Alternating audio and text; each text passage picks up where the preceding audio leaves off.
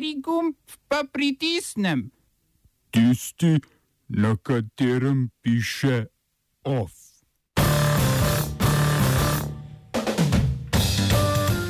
Salome Zarubašvili živi gruzijske sanje. UNESCO vrstil rege na seznam svetovnih kulturnih zakladov.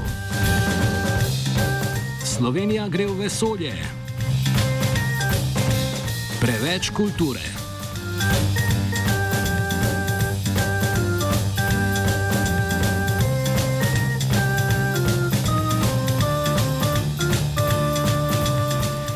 Južnokorejsko vrhovno sodišče je razsodilo, da mora japonsko podjetje Mitsubishi Heavy Industries izplačati kompenzacije 28 južnim Korejcem, ki so bili med drugo svetovno vojno prisiljeni delati v podjetju.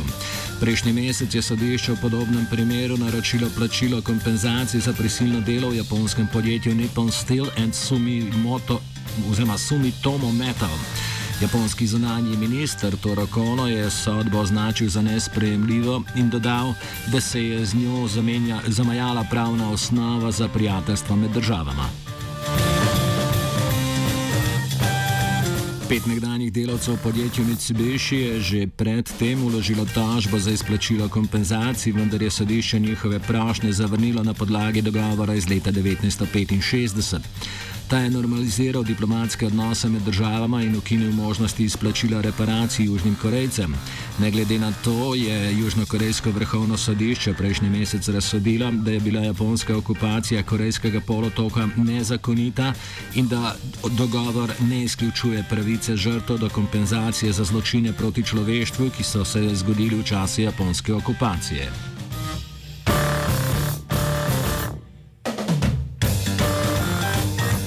Za svoje zločine druge svetovne vojne pa se v nasprotju z Japonsko kesa nizozemska.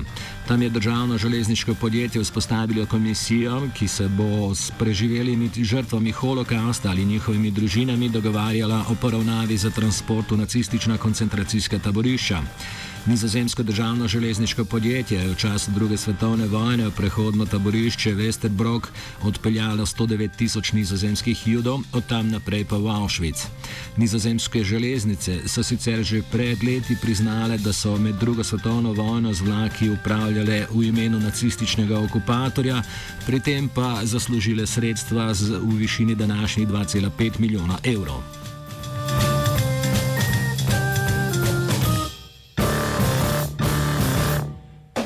Kulturno-znanstvena agencija Združenih narodov UNESCO je na seznam svetovnih kulturnih zakladov vrstila jamaško glasbeno zvrst reggae. Zvrst je po besedah agencije ključnega pomena za mednarodni diskurs o svetovnih nepravičnostih, uporu, ljubezni in človečnosti.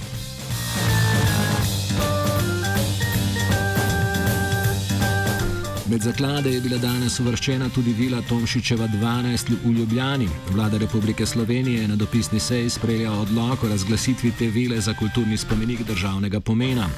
Nepremičnina, ki je v lasti Društva slovenskih pisateljev od leta 1957, je bila kot takšna razglašena, ker je v prikličju nastal osnutek prve slovenske ustave leta 1990. V razlagi še piše, da se vila za kulturni spomenik razglasi z namenom, da se ohranijo njene kulturne vrednote, prepoznavnost in njena sedanja javna kulturna raba.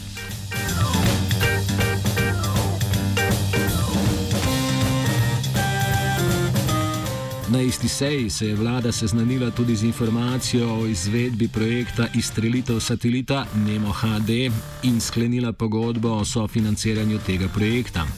Vlada v sporočilu za javnost navaja, da se bo Slovenija s satelitom, ki je produkt centra odličnosti vesolje.si oziroma pomišljaj si, pridružila državam, ki že imajo delujoče satelite v vesolju. Citiram. Za primerjavo, Slovenija v tem pogledu zaostaja za Republiko Češko za 40 let. Konec citata.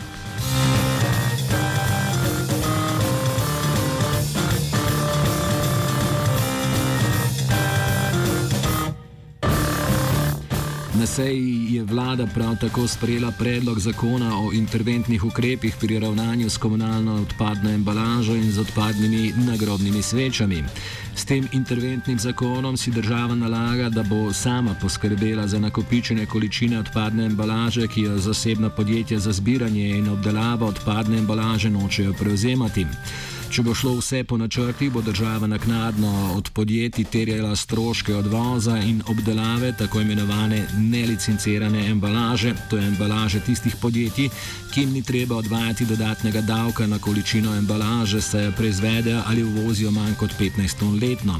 O predlogu zakona bodo poslanci odločili po nujnem postopku na decembrski seji.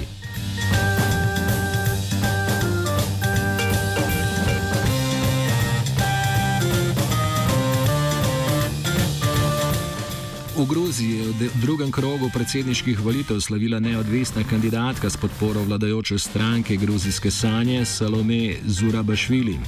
Nova izvoljena predsednica je slabimi 60 odstotki glasov premagala opozicijskega kandidata Grigola Vasazdeja. Zmagovalka Zurabašvili se deklarativno zauzema za izboljšanje odnosov Gruzije tako z Rusijo kot Evropsko unijo. Zadnje predsedniške volitve v Gruziji so tudi zadnje nasploh. Vladajoča sanska stranka z absolutno večino v parlamentu je namreč s premembami ustave močno zmanjšala pristojnosti predsednika države, hkrati pa sprejela, da od leta 2024 naprej predsednika ne bodo več izbirali na volitvah, temveč ga bo imenoval svet 300 oblastnikov.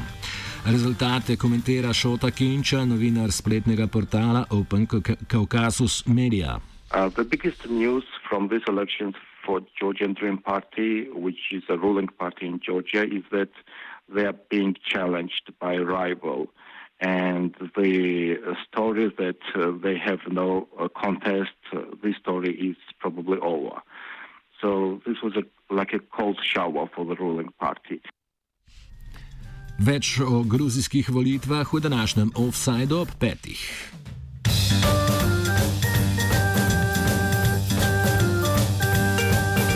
Nemška zvezdna policija je preiskala frankfurtske prostore največje nemške banke Deutsche Bank. Policija banko preiskuje v povezavi s pranjem denarja, na kar so opozorili tako imenovani panamski dokumenti. Preiskovalci trdijo, da je Deutsche Bank svojim strankam pomagala pri nakazilih denarja, pridobljenega s kriminalnimi dejanji v davčne oaze.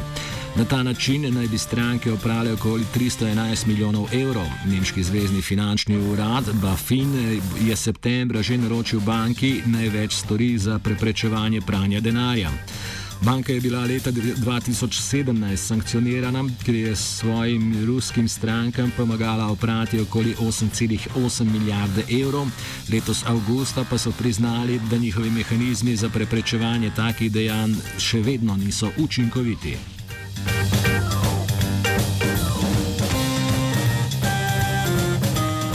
V državnem zboru je še vedno v teku razprava o predlogu novele zakona o minimalni plači, ki so ga pripravili v levici. Koalicijske stranke so že predhodno nakazale, da bodo predlog podprle, tako da si lahko naslednje leto obetamo zvišanje minimalca na 667 evrov, leta 2020 pa na 700 evrov neto.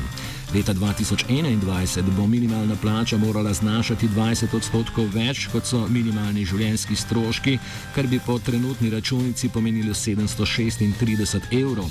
Končne rezultate glasovanja poiščite na Twitter profilu aktualno politične redakcije Radia Student v kratkem.